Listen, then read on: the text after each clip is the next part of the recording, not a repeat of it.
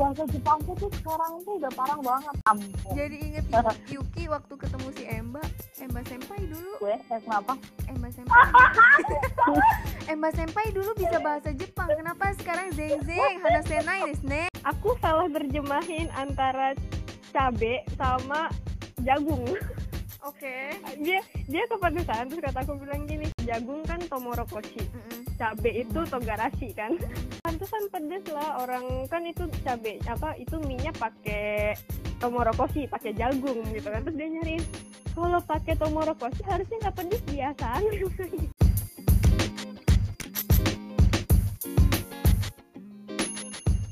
Assalamualaikum warahmatullahi wabarakatuh. Kembali lagi dengan Awanda di One Story Podcast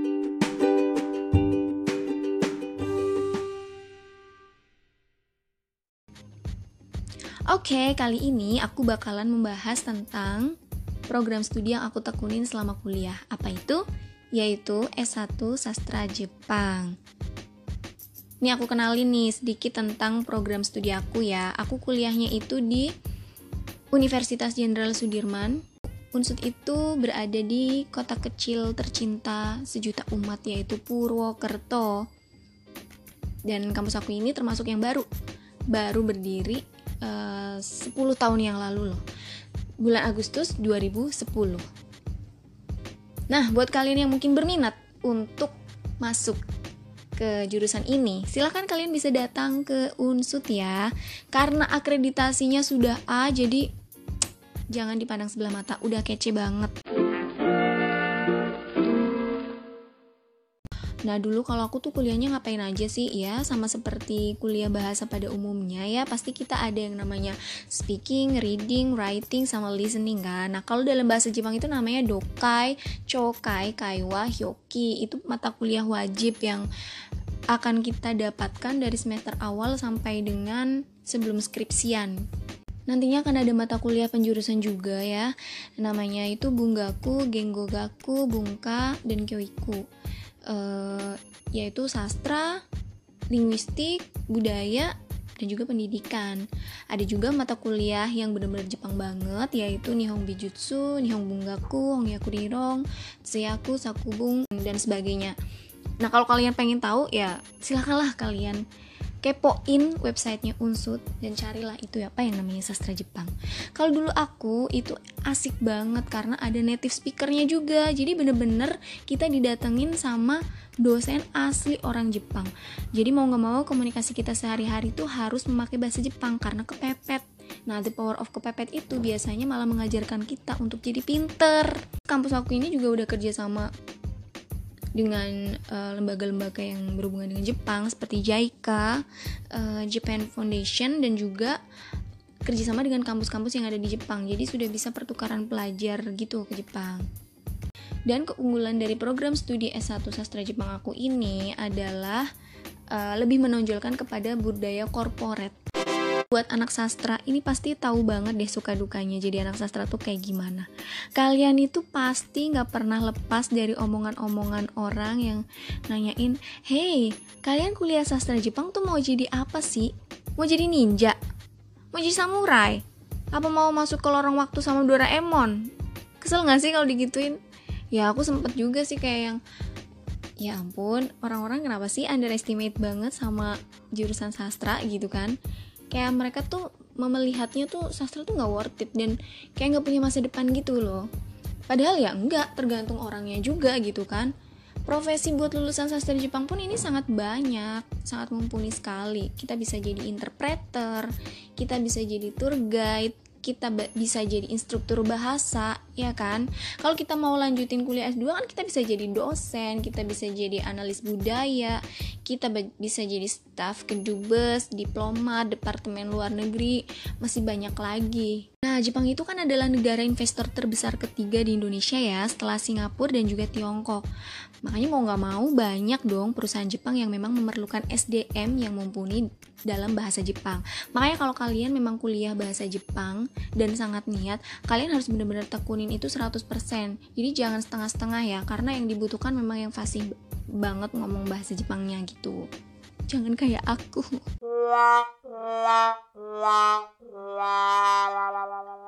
pernah diundang juga jadi narasumber gitu sama temen aku namanya Emba. Kita pernah jadi pembicara di acara sastra Jepang waktu itu, acara himpunan.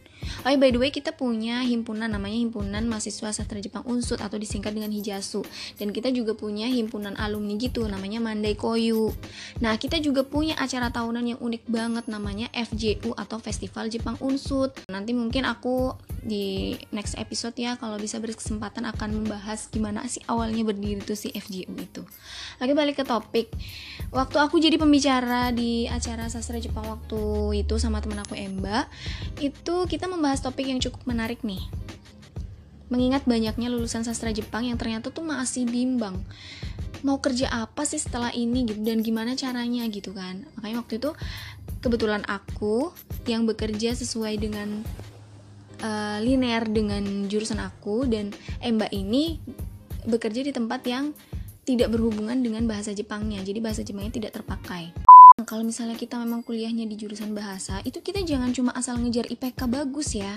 Kita tuh bener-bener jangan cuma kuliah belajar terus pulang. Udah kayak gitu doang. Itu aduh nggak ada asik-asiknya. Tapi kita harus mengimbanginya juga dengan uh, yang namanya soft skill ya nggak?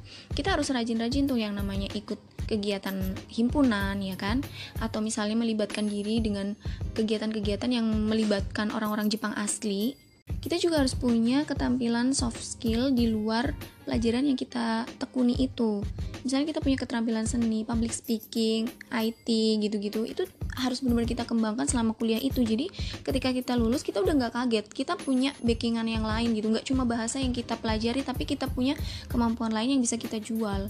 Dan kalau di sekolah bahasa ini kita harus punya yang namanya sertifikat JLPT Japanese Language Proficiency Test.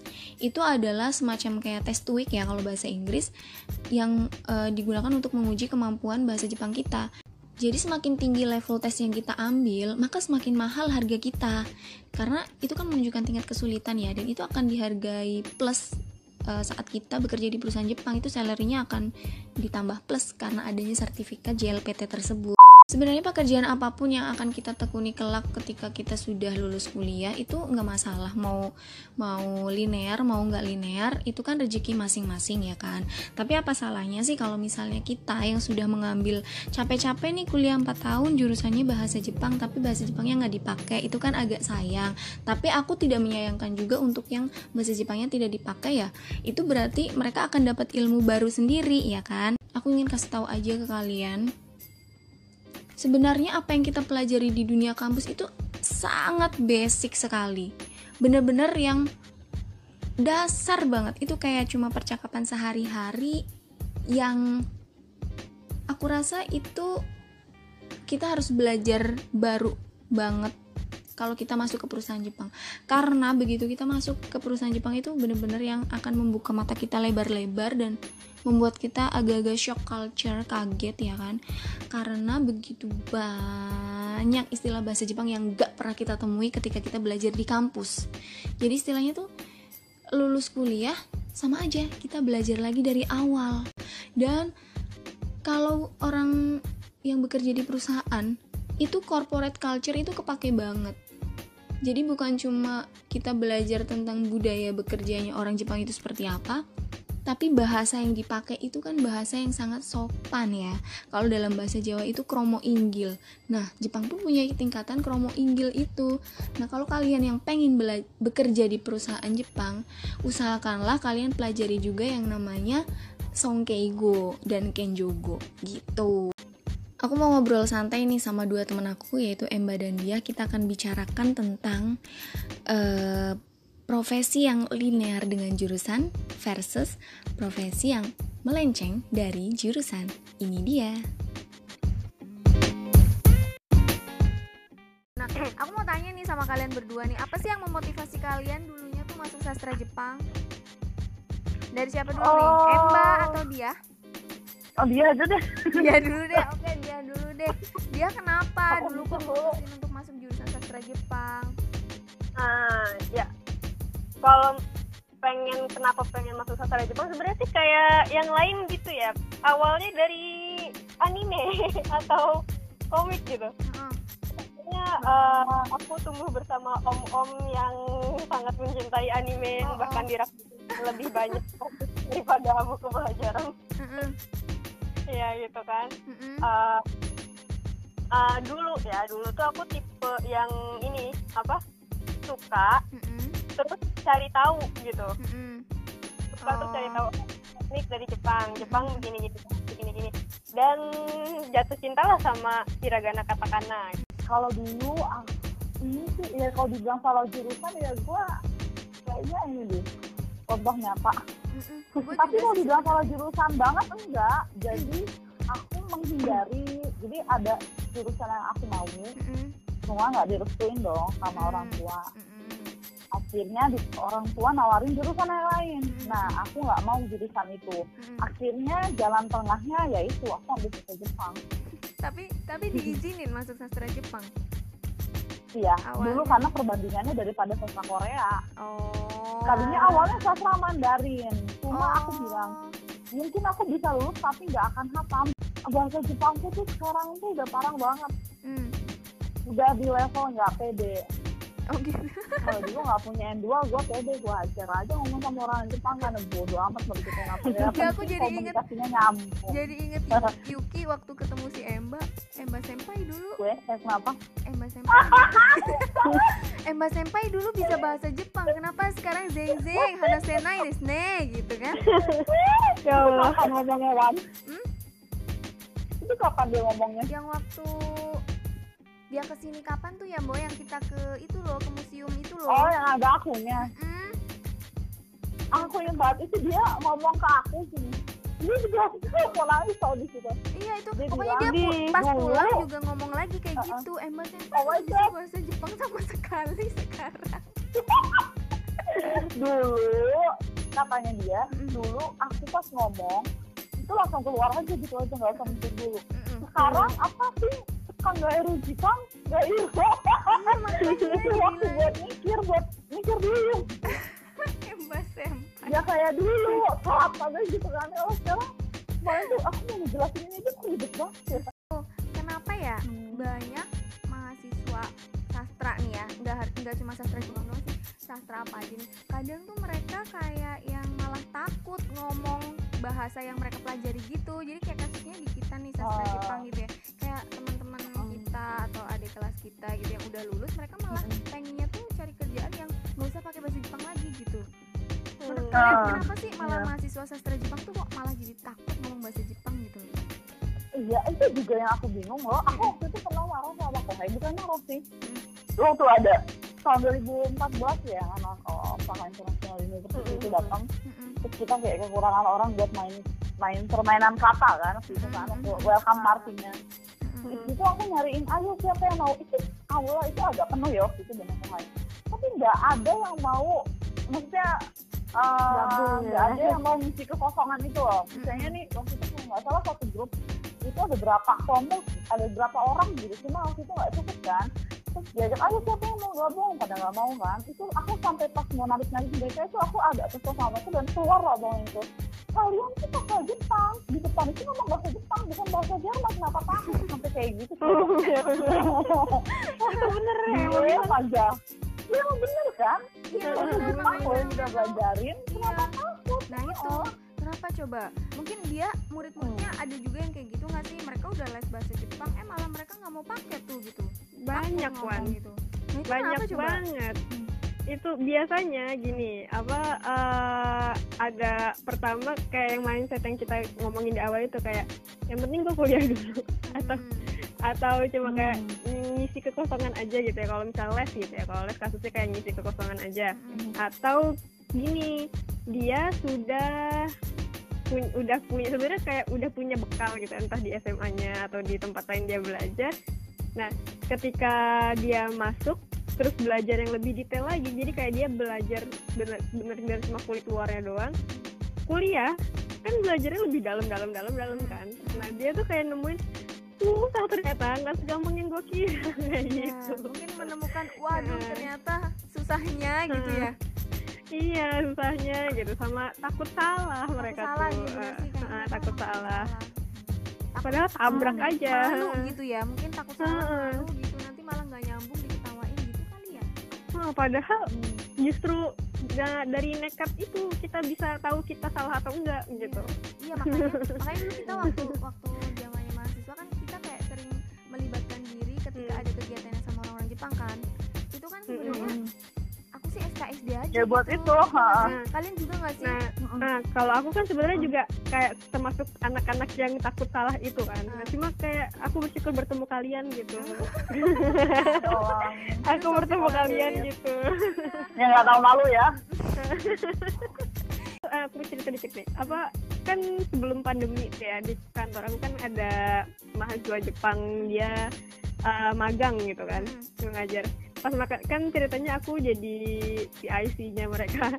Wah, yang berarti ngurusin segala macamnya kan. Mm-mm. Nah suatu hari mereka ya si dia waktu masih satu orang dia mau mesen mie goreng mie goreng dengan level pedas tertentu gitu. gue bilang jangan jangan pedas nah pas dia makan dia kekeh tuh mau level satu apa ya dia makan aku salah terjemahin antara cabe sama jagung oke. Dia dia kepedesan terus kata aku bilang gini eh apa? Eh, iyalah pedes orang ada jagungnya kan jagung kan tomorokoshi Mm-mm. cabe itu togarashi kan. Mm-mm. aku malah Aku udah gak inget loh bu eh Eh, di ya itu aku baru aku itu baru inget itu pas udah dia ngomong itu kan aku bilang ya pantesan pedes lah orang kan itu cabe apa itu minyak pakai tomorokoshi pakai jagung gitu kan. Terus dia nyariin kalau pakai tomorokoshi harusnya nggak pedes biasaan mana jagungnya juga ada. Harusnya harusnya nggak pedes biasa. Ngapain ini minyak dari jagung? Dia bilang kayak gitu. Ah, oke ya maksudnya kayak apa kayak gitu aja sih. Tabrak aja walaupun salah ya. Nah terus kalian tuh eh, ada nggak sih eh, saran atau motivasi deh gitu buat kohai kohai kita nih yang para mahasiswa sastra Jepang gitu? Dari dia nih yang pekerjaannya motivasi buat mereka gitu. Motivasinya ah iya gitu kalau misalnya kan ya, aku juga kan pernah kayak gitu yang ngalamin yang namanya titik jenuh gitu ya misalnya kayak pas lagi belajar aja deh gitu. Ketika misalnya udah mulai jenuh udah pengen kayak kayaknya gue nggak bisa kayak gue gimana gitu ya. Inget aja tujuan awalnya gitu tujuan awalnya kalian tuh belajar mau apa mau dapat pekerjaan yang bagus. Ya gitu. Walaupun apa pun jurusannya gitu. Misalnya misalnya seperti itu aja. Apa pun jurusannya mau dapat pekerjaan bagus ya udah. Berarti jalanin aja kuliah itu walaupun sulit gitu. Ya apalagi kalau misalnya ternyata suka terus nemu sulit ya kesandung dikit nggak apa-apa lah kayak gitu. Terus ya kalau misalnya masalah prakteknya gitu tadi Mm-mm. ya kayak bahasa itu kan sebenarnya kan eh, apa ya ada banyak alternatif ya. Taruhlah misalnya kita mau ngomong A gitu. Tapi kita terlalu eh, kita terlalu berpegang gitu. Kalau kita mau ngomong A itu grammarnya begini. Ntar kalau tapi gue lupa gitu. Tapi gue lupa. Ntar kalau gue salah ngomong gimana? Ya udah ngomong aja yang mirip-mirip gitu. Ya mirip-mirip. Yang penting nggak yang penting konteksnya sesuai gitu. Itu juga nggak apa-apa. Itu aja sih. Jangan takut salah. Ingat tujuan awal gitu. Kalau misalnya kalian nggak yakin sama bahasa Jepang ini di tengah-tengah jalan aktif deh di organisasi atau ya itulah pokoknya selain kuliah aktif lah di bantuin dosen lah atau apalah. Siapa tahu mungkin pakai nanti. Jujur waktu aku di wawancara pas sama hari ngelamar dia baca dong uh, waktu itu siapa sih yang, wawancara. Pokoknya orang yang muji kita tuh orang kepegawaian sih. Oh, dia ngeliat kan Ah, di depan aku ngeliat riwayat itu. Mm-mm. terus dia bilang ah kalau organisasi udah nggak usah ditanya lah ya mbak. Ini udah aktif banget. Dia bilang kayak gitu. Terus aku mikir ya karena dari awal masuk sampai akhir bukan tak di sudah Iya, iya kan nggak nggak nggak geser-geser dari posisi itu di himpunan terus juga kan situ kan banyak dong. Kita jadi panitia apa cara apa ikut kegiatan apa itu kan uh, benar-benar aku tegolin di kurikulum vitae aku. Karena kan aku tahu ini yang mau aku lamar itu nggak ada kaitannya sama uh, Jepang jadi aku uh, uh, jadi yang aku unggulin di situ ya apa yang aku lakuin selama kuliah di lain belajar bahasa Jepang itu. Terus sama waktu pas kuliah kan kebetulan dapat ini tuh yang dari Mm-mm. Kan yang project itu dapat Hmm, project hmm, setengah hmm. juta. Nah. Hmm, iya bener bener. ah. dan situ aku tulis di situ di Jepang ini gini jadi dia pikir oh kebetulan mereka lagi butuh anak muda dan yang maksudnya mungkin kayak kuat dibanting gitu lah karena kerjaannya tuh kayak gini oh udah jadi dia lolos dibilang yang penting harus aktif dan yang harus mentalnya harus kuat jangan udah bahasa Jepangnya pas kerjaannya Organisasinya, kuliah iya. pulang kuliah pulang. Kuliah aku juga dulu nggak sampai ini sih nggak sampai yang ke kalau dulu kan kayaknya ada yang sampai ke fisik lah apa kalau aku cuma sebatas hafal Jepang kok. Cuma sebatas himpunan kita aja. Iya iya sih benar. Tapi yang penting kan Oh. ada catatan organisasi gitu kan artinya kita sering eh, apa bisa bisa lah mengatur diri sendiri dan mengelola hubungan kita dengan orang lain gitu loh. Balance lah tidaknya balance. Kalau aku dulu bukan yang kepikiran dulu tuh nggak kepikiran ah gue nggak pede makanya gue aktif dulu enggak. Cuma waktu itu dulu tuh emang gimana caranya biar balance biar organisasi jalan Hmm, kuliahnya juga jalan. Gitu. iya Nah, benar benar kan? Ternyata lulus kayak gini. Iya benar Oh. banget. coba kalau dulu aku males kayak gitu eh mau jadi apa kamu nak? Ah mau jadi apa? Nggak ada yang bisa ditonjolin. Tonjolin gitu. iya dan eh, sastra Jepang itu emang kadang orang memandang kita tuh sebelah mata gitu. Kamu Oh bener. sastra tuh mau jadi apa sih? Gitu ya nggak sih? Naruto. Ini mau Ninja. jadi Naruto. Samurai gitu. Oh penerjemah ini. Prospek prospek masa depannya tuh nggak ada gitu Iya. katanya. prospek Ah. prospek ke jenjang karirnya tuh suram gitu. Heeh, iya benar. Ya, kayak gitu gitu gitu. Sebenarnya mah profesi lulusan sastra Jepang tuh sebenarnya banyak ya kan? Tapi Hmm, tadi betul kalian jangan cuma belajar bahasanya doang tapi harus diimbangi dengan soft skill tadi yang Emma bilang gitu kan mau jadi interpreter bisa mau jadi instruktur bahasa kayak dia juga bisa tour guide mau jadi dosen kayak analis budaya gitu kan? Terus Hmm, staf bener-bener. staf pemerintahan nih kayak Emma juga bisa gitu. Gimana gak nyebut merek. Ah ya nanti Tapi bener ya. disensor Iya. bisa Iya, iya, iya, dikasih gitu. Apa-apa itu aja. Syukur-syukur bisa jadi diplomat atau deplu Oh, gitu kan iya kita obrolkan hari ini terima kasih banyak Maaf ya kalau Iya. guna. Iya, maaf ya kalau nggak malah ngalor ngidul nih. sharing mah emang begini emang gak jelas kadang gitu tapi ya aku yakin insya Allah bermanfaat sih buat teman-teman yang mendengarkan Amin. gitu. Ya, semoga ya, amin. Amin. ya terima kasih ya buat kalian sukses selalu makasih